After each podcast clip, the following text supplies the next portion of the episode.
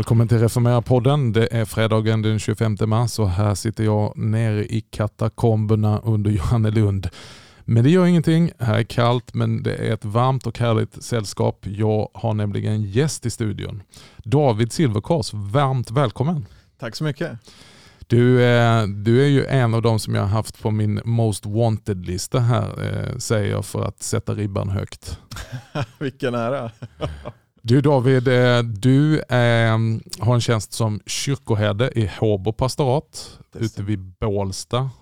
Vilken annan ort brukar man säga för att man ska veta var man är i Sverige? Enköping kanske? Ja, Enköping ligger ju precis västerut och så är det ju liksom på vägen in mot Stockholm då, precis norr om Mälaren. Just det, så det är, du har liksom en triangel där av Uppsala, Stockholm, Västerås som finns runt omkring och så är du där i mitten och har ditt pastorat.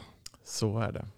Du David, hur länge har du varit kyrkoherde? Är det första tjänsten som kyrkoherde eller andra? Det här är första ordinarie tjänsten som kyrkoherde. Jag har ja. varit där sedan hösten 2019. Mm. Så det är tredje året nu. Så jag har precis börjat innan pandemin kom. Just det, du har haft två tunga pandemiår. De behöver inte vara tunga men Ja, men speciella har de ju varit naturligtvis. Ja. Man får anpassa saker. Absolut. Du, eh, eh, David, om du nu ska presentera dig för våra lyssnare. Vem är du och eh, vad är det som har präglat din, ditt liv och din tjänst och som, har, som gör att du är kyrkoherde idag? Om du, om du tar en liten exposé där vi får lära känna David. Ja men absolut. Jag är uppvuxen i ett kristet hem. Ehm, jag har i, alltid varit kristen så långt jag vet. Ehm, eh, och ja, pappa är präst och farfar var präst. Och då blir det naturligt, tänker man, att sonen också då, äldsta sonen, blir, blir präst. Och det var väl inte min tanke, men vi gick i kyrkan eh, på söndagarna, eh, i Svenska kyrkan och för den delen också i andra sammanhang. Eh, mm. Eh, viss ekumenisk bredd ändå tycker jag under mm. 80-90-talen när jag växte upp. Um, min far är, var, var präst på västkusten under en lång tid och då mötte han den karismatiska väckelsen, när den kom, eller eh, ja, karismatiken från mm. England. Mm. Just det som kom in i Svenska kyrkan på det viset. David Watson och, och hela det här. Ja, men mm. precis. Mm. precis ja. Så jag har varit med liksom i, i de sammanhangen. Vi har varit i, i um, ja, Nya Hjälmsryd var det mm. grejer, uh, minns jag. Och uh, sen då förstås OAS-rörelsen kom och mm. sådär. Um, så det är lite min bakgrund. Mm. Uh, men vi har också varit både i frikyrkliga sammanhang och i högkyrkliga, svenskkyrkliga sammanhang och mellanmjölks svenskkyrkliga sammanhang. Och pappa var präst länge uppe i norra Uppland på landet och då var det jag och min familj och några damer och någon herre i bänkarna. Och det var så vi umgicks på söndagarna. Så allt möjligt har det varit längs med vägen där. Ja. Det är spännande. Vi ska djupdyka i det här med, med mellanmjölk och, och Svenska kyrkan. Vi ska ju hitta ett spår här efter ett tag. Ja. Men David, det är så kul att ha det här. Och för den som, det här är ju din liksom då, kyrkoherden David, men, men en annan, de som följer dig på Facebook har ju fått säga att eh, du verkar vara en väldigt inbiten Melodifestival-fan. ja, det är också sedan barndomen. Man har ju följt det sedan man var liten och det var stort att få sitta uppe på kvällen och se liksom hela vägen då. Och sen har det bara jag har bara följt med genom åren. Det är roligt med spektaklet. Liksom. Så allt är inte bra och det är en del av det på något sätt. Jag, det är kul att skoja om och skriva och tramsa ja, lite. Jag, jag kommenterade faktiskt utan att nämna ditt namn, för det var en annan präst jag också följde. Jag har inte sett någon av deltävlingarna och hamnade då i ett sällskap där vi skulle se på finalen. Ja. Och så, men okej okay, det här blir tråkigt för dig, du har inte sett någonting. Nej, fast sanningen är det att jag känner att jag har ganska bra koll. Jag har följt några stycken som har kommenterat. Jag vet inte om ni kommenterade varje delfinal, men det känns som att jag hade ganska bra eh, liksom, grund. Ja. Men det är en passion, musik eller? Just när det gäller Melodifestivalen så är det ju för att det är en rolig happening under ja, våren ja. och det är kul att göra. Det blir lite community också med folk som jag har haft som församlingsbord i tidigare församlingar. Ja. Det blir några församlingar vid det här laget och då är det kul att liksom kunna samlas lite runt det och skriva till varandra och ha kul. Så det är en gemenskap i det också. Så det, har, det är ett återkommande fenomen på din Facebook-sida att här kommer kommentarerna? Man riskerar att råka ut för det.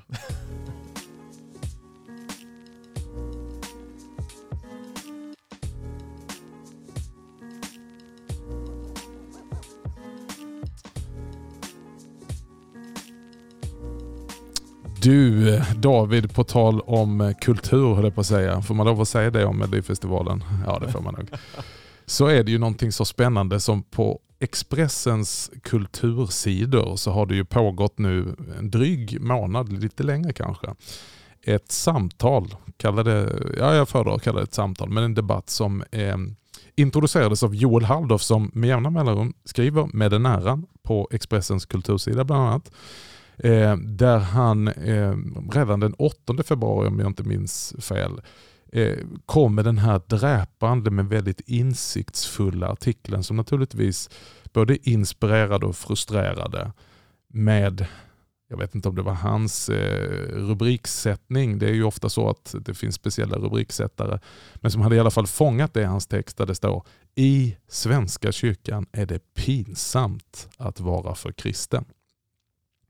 Det var liksom ingången. Men vad då eh, om man tränger djupare in och eh, jag tycker det är intressant det samtalet som, som flera sen har deltagit i och som, som kom till sitt slut på något sorts en slutkläm från Joel som vi också ska gå in och tala lite grann om den här veckan. Så är det ju då det här med att Svenska kyrkan är ju å ena sidan folklig och finns till för alla. och, och, och men denna folklighet har ju också lett att folkkyrkan ibland ja, du använder ordet mellanmjölk, men kan uppfattas av folk att vad står Svenska kyrkan för? Vad har hänt med Svenska kyrkans identitet i vår längtan? Både du och jag är präster i Svenska kyrkan, så vi talar inte om någon annan här, utan, utan vi talar om oss själva. I längtan att vara en folkkyrka och finnas till hands för alla och välkomna vitt och brett kan det vara så att vi har tappat bort oss själva, vår identitet som kyrka, så att vi har slutat stå för någonting? Alltså samtidigt som vi står för allt så står vi för inget. Jag skulle vilja lyssna till kyrkoherde Silverkors. Vad är din syn på det här? Oj, ja precis. När jag läste artikeln första gången med Joel så jag slogs ju av hur träffande det var med beskrivningen av präster som inte vågar predika så tydligt. Jag tänkte på han kopplat till Erik Skylt är det väl som eh, sen blev katolik och efter att ha mellanlandat i Svenska kyrkan då. Och jag har också genomlidit sådana predikningar och gudstjänster där jag funderar på vad är det som sägs här? Eh, och vad är det egentligen som är ärendet i den här predikan? Mm. Um, och det är min breda erfarenhet är ju från Svenska kyrkan så att det är det jag kan kommentera mest. Men och, och, det är ju ena sidan en igenkänningsfaktor i det Joel skriver. Å andra sidan så ha, har jag ju rätt många upplevelser genom åren i Svenska kyrkan som absolut inte är på det viset. Mm. Um, och då blir ju genast frågan hur, hur anekdotisk uh, är, är liksom argumentationen va, från honom eller från mig. Eller så. Uh, hur talande är det här för Svenska mm. kyrkan? Och att problemet finns, ja absolut mm. gör det. Men hur brett är det?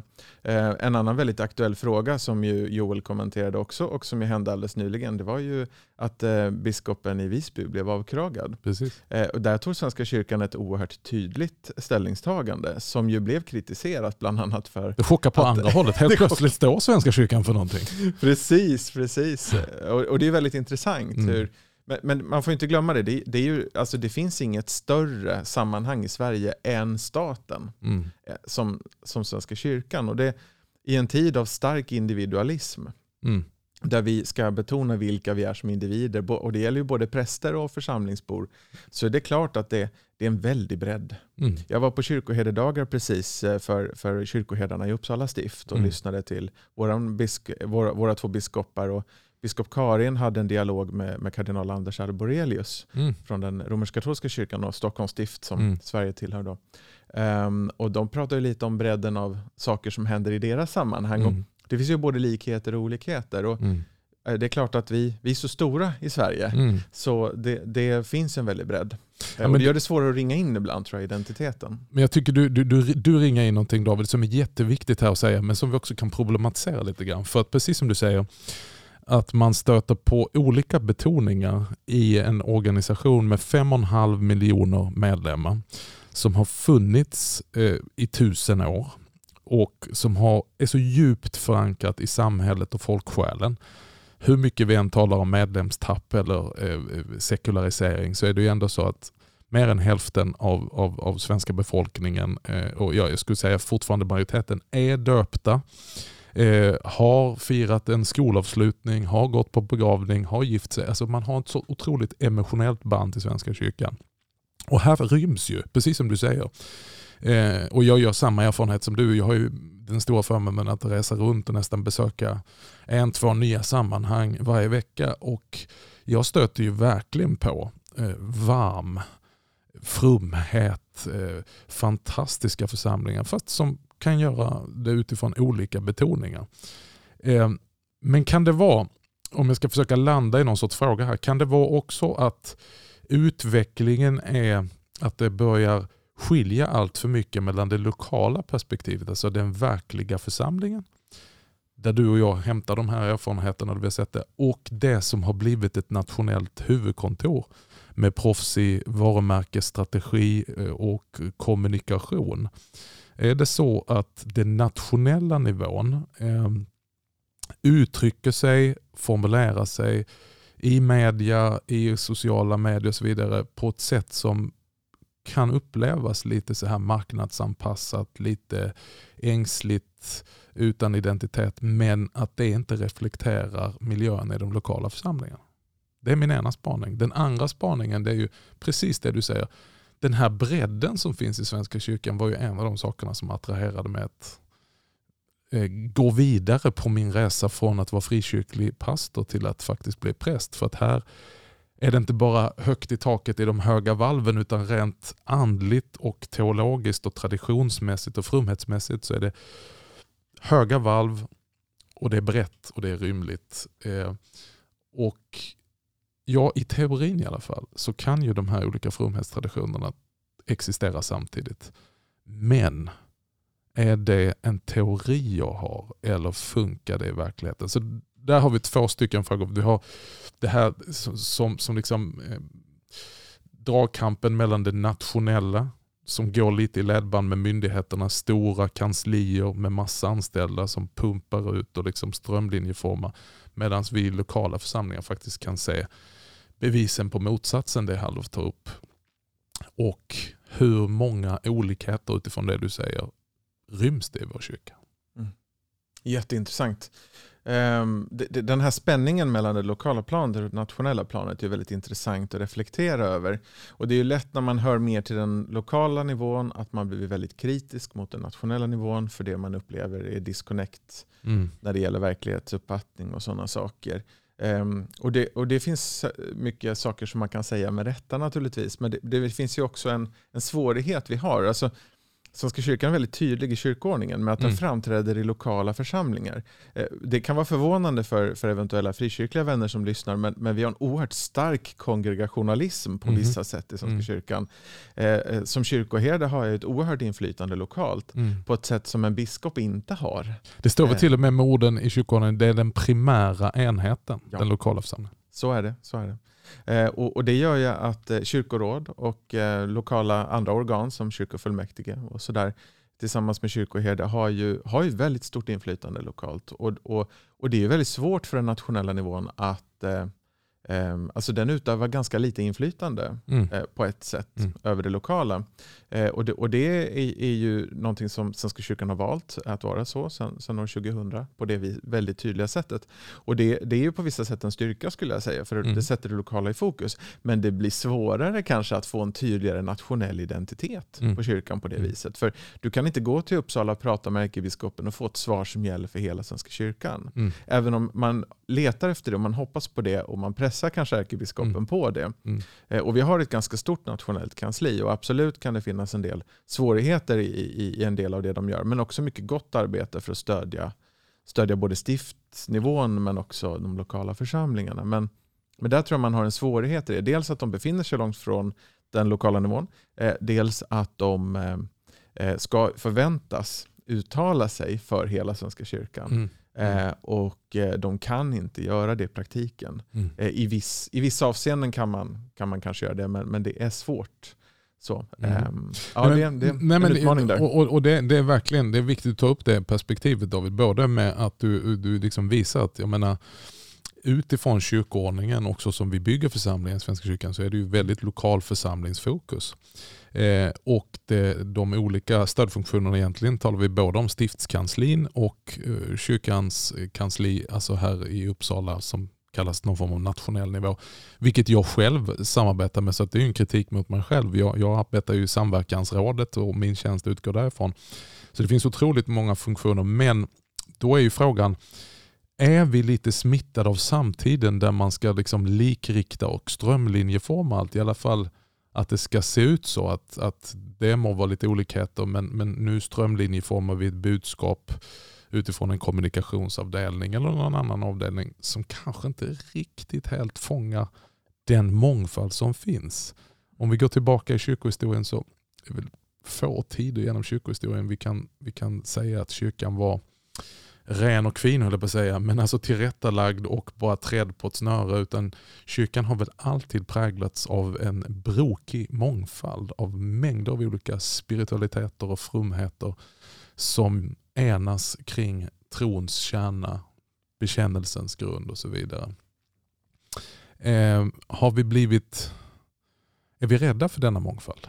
Eller ser vi verkligen eh, den skatt som finns i mångfald? Det är en jättebra fråga.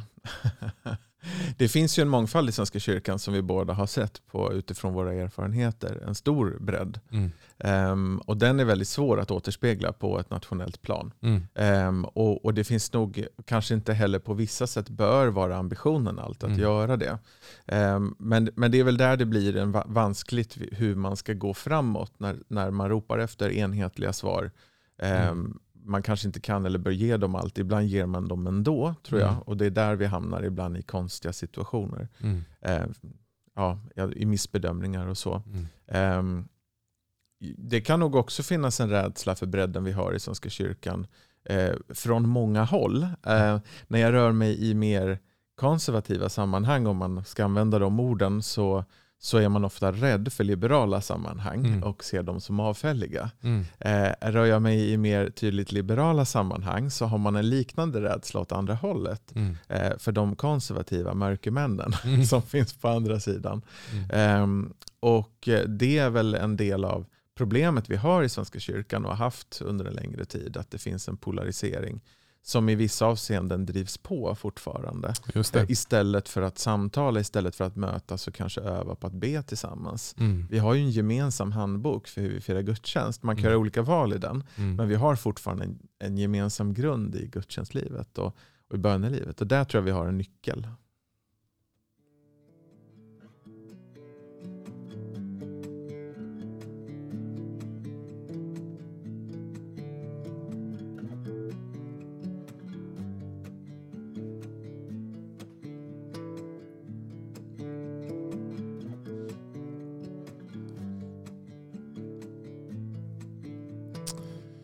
Ja David, det här finns jättemycket att borra i. Om vi går tillbaka till, till samtalet som du har förts på detta tema. Eh, jag tycker det, det, det, är häftigt i sig att det har varit sånt engagemang kring eh, kultursidorna där det då, jag vet inte om jag har räknat fel, åtta artiklar om Svenska kyrkans liv.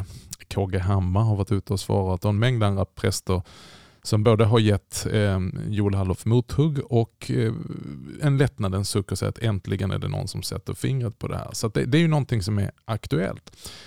En annan grej som, som Hallof tar upp som, som eh, tycker jag fångar någonting, det är att det räcker inte med teologisk teori, säger han, utan det krävs exempel som visar hur tron ska gestaltas. Förebilder som vi kan iaktta och ta efter. För religiösa traditioner är som ett hantverk. Man lär sig bäst genom att imitera de erfarna. Det är en vacker och pregnant bild han ger där. Mm. Varför tror du att Halldorf efterlyser det här? Alltså han pekar ut att ja, det må finnas en teologisk teori, men det fattas nästa steg. Exempel. Den inkarnatoriska delen. Vad är ditt take? Det där, ja, mitt take i det här det är nog ganska mycket faktiskt att jag tycker att man har tappat bort lagens tredje bruk. Mm. I en rädsla för att bli lagisk mm. i någon mening. Eh, och ibland kanske också för att man inte riktigt förstår vad som är lag och vad som är evangelium. Mm. Um, och, och, det tror jag är en del av det här. Um, för den som inte är bekant med lagens tre bruk, så väldigt kortfattat kan man ju säga att första bruket handlar ju om att hålla ordning i samhället i någon Mm. bredare mening.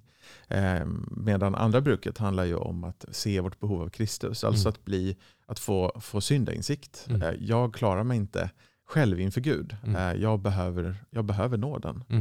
Ehm, och sen det tredje bruket, det handlar ju om att som förlåten så är jag nu fri att av min kärlek till Gud Mm. försöka öva på Mm. att göra det som är rätt. Och inte för att bli mer duglig i Guds ögon, Mm. utan som Guds barn och redan älskad. Mm. Och det där upplever jag tappas bort ibland. Ehm, jag har varit med om församlingsbor som har talat om detta bland annat. Ehm, man har levt hela livet i kyrkan och man har liksom fastnat på andra bruket. Eh, det, det, det är liksom det dåliga samvetet som står i fokus. Du kommer till kyrkan, du ska känna dig dålig. Du är beredd att göra det också som en god Mm. kristen. Mm. Eh, En god du- lutheran i alla fall. och du får förlåtelsen Ja. och sen är du tillbaka igen och fortsätter på samma. Så. Ja. Och, och, och det är naturligtvis sant i en mening. Liksom. Men, men syftet, alltså det är det man måste komma ihåg. Syftet med att jag kommer och eh, får lyssna till, eller håller om jag är den som tjänstgör, eh, till ett inledningsord eller så som ska hjälpa mig att kanske komma och tänka på något särskilt jag behöver bekänna. Eller bara Mm. hjälpa mig att komma in i, i det läget liksom, som, Mm. som kan vara skönt att ha med sig in. Så, så, så är inte syftet att må dåligt. Syftet är inte att känna mig usel Mm. Det kan ju vara en poäng i att göra det. För att, för att om jag inser någonting som är fel och inte står rätt till hos mig själv inför Gud, då känner jag mig usel. Mm. Och det, det- kan ju vara ett hälsotecken att Det- du gör det. Absolut, absolut. Men poängen är ju inte en skambeläggning, utan Nej. poängen är ju en insikt, en Ja. diagnos liksom, av hur det står till. Mm. Och då, när jag sen då ställer mig på knä eller, eller böjer mitt huvud eller hur jag gör i bänken och, och, och stämmer in i syndabekännelsen, då har jag någonting med mig in som jag blir påminn om. Jag behöver nåden. Mm. Liksom. Mm. Och när jag då får ta emot den, då är ju inte tanken att jag efter ska stanna kvar i läget av att känna eh, att jag är, är liksom otillräcklig, utan då handlar det om att jag är förlåten. Och att få fira det, och att få vara i det, och att få låta det vara definierande för hur jag sen agerar i relation till andra. Mm. Och där tror jag vi ibland är lite rädda eh, Mm. för att eh, peka på goda bruk, eller historiskt kanske. Eh, Mm. Därför att det kan bli farisism, det kan bli lag av det hela också. Att Mm. det är genom att göra det här du visar att du är en bra kristen. Eh, Knyt sådana här bönerep och använd dem. Mm. Och när du gör det, då är du en bra kristen kan någon uppleva. Mm. Men för en annan så kanske det tvärtom är det att, att det här blir något, ännu ett verktyg för mig att hanka mig fram genom vardagen och, Mm. och få fylla på lite av Guds nåd. Liksom. Mm. Och det där tror jag är viktigt att ha med sig när man som lutheran närmar Mm. sig de här Mm. bitarna med, med, eh, med goda verktyg och Mm. formera sig så att eh, låt det här med förkunnelsen om lag och evangelium och vara med då också med lagens tredje bruk och förklara Mm. det. Det behöver vi nog göra en del tror jag Mm. i, i vår kyrka. Men det, det är en intressant resonansbotten att ta den bilden, lagens tre olika bruk. Jag, jag kan ju ibland känna att vi ofta väldigt mycket hamnar, fastna i första bruket helt enkelt. Att vi, vi tänker väldigt mycket som en allmänmänsklig organisation. Som världsförbättrare, vilket inte är dåligt. Det är ett skapelsegivet mandat som vi har. Vi tror på skapelsen och tror på de goda krafterna och behöver både njuta och vårda och ha omsorg om allt det skapade. Men om vi då tar dina, de tre bruken som du så excellent la ut, om vi, om vi jämför det med, med, om vi tänker de tre artiklarna i vår tro, så känns det som att vi väldigt mycket rör oss på, på första artikelns plan. Eh, där det kan bli väldigt lagiskt, det vill säga att du ska vara en god människa. Du ska sortera dina sopor, det är den största dödssynden du kan. Du ska, du, och du får inte skamma någon. Och så. Men, men allt det där är gott, det är rätt. Men, men kan vi, kan, kan, kan vi liksom rent allmänt sakna att komma till andra artikeln? Att vi inte bara talar om Gud som skapare, som är engagerad i klimatet och rättvisa. Eh, Är risken att det blir väldigt mycket starkt kaffe och svag teologi eh, innan vi kommer faktiskt till andra artikeln, att vi blir en kyrka som på nytt talar om Jesus, om försoningen, förlåtelsen. Här finns en möjlighet till en ny start, precis som du var inne på. Och kanske i, i mitt eget sammanhang som jag tillhör, alltså en väckelserörelse inom Svenska kyrkan EFS, vi kanske har tendens att stanna i andra artikeln. Där, oavsett fråga så är alltid svaret Jesus. Men lite rädda för att gå vidare i tredje artikeln som är andens nya liv Mm. och livet i kyrkan där det faktiskt talar om en, ett framåtskridande som du är inne på, på lagens tredje bok där jag helt plötsligt har ett, ett, ett hjärta som är vänligt sinnat mot Guds lag och gärna Eh, söker själv, driven av den heliga ande och den nya skapelsen, eh, att, att, ja, du sa det så bra, att jag är fri. Jag är fri att få, få faktiskt eh, följa efter Gud och hungrig efter honom. Har vi för få miljöer som faktiskt uppmuntrar det och det blir som, som Joel uttryckte det, eller vem det nu var som uttryckte det, men i hans artikel att det blir lätt pinsamt och lite jobbigt och lite udda att vara för kristen. Ja, precis. Precis. Alltså det kan det, det, absolut. Jag tror att det kan, det kan ha att göra med våran bristande, sen lång tid tillbaka, bristande förmåga i, i viss mån att bygga gudstjänstfirande församlingar. Mm. Jag tror det knyter in i det att, Mm. att de här exemplen, var ser du dem någonstans? Mm. Jag menar, om det inte är så många som samlas och firar gudstjänst så är det väldigt svårt att vara exempel för varandra. Mm. Ehm, och, och har vi inte en fromhet som vi övar på tillsammans så är det väldigt svårt att, att, att ta efter någon annan. eh, Just det. Ehm, och där- där, har ju funnits tyvärr en motreaktion mot frikyrkans framväxt i början på 1900-talet inte minst. Där man, där man liksom inte ville betona den tätare gemenskapen för man ville inte riskera sekterismen. Mm. Eh, och, och det är väl gott att inte vilja bli en sekt va? Men, men det kan ju gå lite långt åt andra hållet också. Ja, ja. Där man nästan blir en serviceinrättning eh, något kommunalt. Ja. Ehm, och och, och sådana här saker har ju varit en brottningskamp under lång tid. Och det tror jag delvis har att göra med det här att, att vi har inte liksom vi har inte tagit oss för det eh, fullt ut. Liksom. Mm. Och, och nu är det ju starka generaliseringar för det har ju funnits hela tiden i Svenska Ja, kyrkan ja. såklart eh, gudstjänstfirande gemenskaper. Mm, Men om mm. man tittar brett och ser att det, det är på många håll det, det är svagt men det har varit under lång tid. Eh, och man har inte byggt kulturen runt det eh, Nej. på ett så tydligt sätt. Och det, det tror jag är en del i, i problematiken att då, då är det svårt att exponera sig för varandras goda exempel. Eh, och ens prata om det. För mig finns det ju alltid en lösning på allting och det heter helgkycklighet. och eftersom du David, du, du inkarnerar ju lite av den här helgkyckligheten utifrån att du, du är tryggt rotad och har en lång, lång historia i Svenska kyrkan. Eh, men också tagit intryck och tagit till dig rikedomar från andra kyrkligheter. Och du var inne på det här också i, i brottet med, med, med, mellan frikyrklighet och folkkyrklighet och, och kapellen och sekterismen och så vidare. Det ligger ju någonting viktigt i det. Eh, och, och, och jag tänker ju därför att, att ja, eh, den frikyrkliga spiritualiteten som, som också är mycket varierande Eh, hade ju egentligen gjort sig bäst inom ramen för den kyrka som har funnits här sedan evangeliet. Och vi hade mått bra av att få de intrycken eh, i vår kyrka som kanske hade lyft upp eh, betoningen med att forma det vet jag att det, det, det är ett aktuellt tema som både biskopar och kyrkoherdar talar om. Vårt behov av att skapa, i ett sammanhang så kallar de det för primära eh, kristengemenskaper. Eh, alltså inte bara den gudstjänstfirande församlingen utan som också leder ett steg vidare i kristna gemenskaper där man faktiskt delar livet tillsammans Mm. och tar de här intrycken. Eh, så, eh, och, för att också nämna eh, eh, Joel då, så i sin slut eh, tamp här nu då, eller avslutning av den här de här olika artiklarna som, som han i, i, i tisdags tror jag det var avslutade. Så för att då visa att han inte på något sätt är kritisk till Svenska kyrkan så, så nämner han då att han är medlem i Svenska kyrkan sedan födseln. Har firat gudstjänst där sedan han var eh, i 20-årsåldern. Och så säger han någonting så otroligt vackert som, som jag också kan stämma in i av hela mitt hjärta eh, av upplevelsen eftersom jag och Joel har lite ba samma bakgrund. Han talar om att i tonåren redan så, så åkte han på pilgrimsfärd med Svenska kyrkan i, ute i Europa till Rom. Och så säger han det var mässa varje morgon och när prästen placerade oblaten i mina händer visste jag att Gud var nära oavsett hur jag mådde eller kände just då. Det var en nyfunnen frid för en ung pingstvän formad som jag var av väckelsens hetta. Jag var van vid att Guds närvaro mättes i mitt eget känslomässiga gensvar. Men i mässan var det en gåva som inte krävde något annat än att jag öppnade mina händer. Jag blev alldeles varm i hjärtat. Det här är ju någonting som är så fantastiskt och som sker då som motsats till allt annat vi har talat om här och som, som Joel också lyfter upp.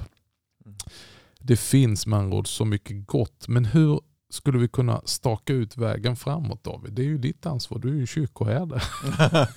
ja, just det. Eh, vad, vad, vad, vad är vägen framåt för att inte bli konturslösa, identitetslösa, men ändå bevara den mångfald som, som är en rikedom? Vad, vad, vad gör man som kyrka? Jag tror väldigt mycket på att öva på att inte vara rädd för varandras mm. olikheter, mm. utan låt det vara. Vi är inte överens om allt, men, mm. men låt det vara så. Mm. Eh, be för varandra, välsigna mm. varandra. Eh, när det går, fira gudstjänst tillsammans och be. Mm. Jag tror att det är det vi har nyckeln i väldigt hög grad. Därför att Slutar vi vara rädda och börjar relatera istället till varandra, då blir det mycket lättare även när vi inte är överens. Um, och den mognaden tror jag vi behöver jobba rätt mycket på i Svenska kyrkan. Jag tror många kristna behöver jobba på det överlag, men jag tycker det är väldigt tydligt i, i vår kyrka. Mm. Eh, och det du nämnde med, med nattvardens sakrament, där har vi ju väldigt mycket gemensamt eh, inom Svenska kyrkan. Det finns olika betoningar, mm. men för i alla fall de flesta sammanhang jag har varit i, så när vi samlas i nattvarden och vi tar emot sakramentet så har vi lite olika betoning på hur vi förklarar mysteriet eller om vi ens gör det. Eh, men vi tar emot det och mm. vi, vi tror att det är Kristus själv. Och där tänker jag vi har en nyckel också att kunna fira gudstjänst och fira mässa tillsammans. Ja, men det är en jättevacker bild David och den är bra. Den är sann framförallt. Jag har ju precis samma erfarenhet som du hur den än eh, liksom omgärdas, så när vi väl står där framme vid altaret så öppnar vi våra kupade händer och tar emot det. Vem det än är som räcker oss det och hur det än är omgärdat eller gestaltat med vissa olika betoningar eller kan spåra till olika traditioner. För att vi tar emot det för vi ytterst sett ser att detta är Kristus som räcks oss. Mm. Och Jag tänker att det är en fullständigt formidabel eh, bild att kunna ta till sig olika rikedomar utifrån Kristi kropp. Ja, det är inte riktigt så som jag hade gjort det, men vet du vad? Det är Kristus som kommer till mig. Precis. Fantastiskt. Du, eh, klockan går ju när man har kul. Så är det. Två talträngda män i en podd. David, eh, jag vill eh, så här utsträcka en, en inbjudan att få komma tillbaka eh, och dela mer av din visdom och din erfarenhet. Det är en sån glädje. Eh, vi ber för dig David och Tack. din eh, tjänst som kyrkoherde och eh, ja, det där positiva exemplet du är som kan faktiskt då eh, lyftas upp som ett exempel gentemot det Joel efterlyser. Ja, men tack så mycket och tack för att jag fick komma. Det är roligt att få prata med dig. På återhörande och detsamma säger till dig, du som har varit med och lyssnat till oss här i Reformera-podden ytterligare en fredag. Och eh, ta besök om du har vägarna förbi Bålsta, Håbo pastorat. Där är David verksam som kyrkoherde. Ta och besök det en söndag eller kanske en veckomässa. Välkommen att fortsätta lyssna till Reformera-podden nästa fredag. Vi är tillbaka då. Tills dess, Guds rika välsignelse.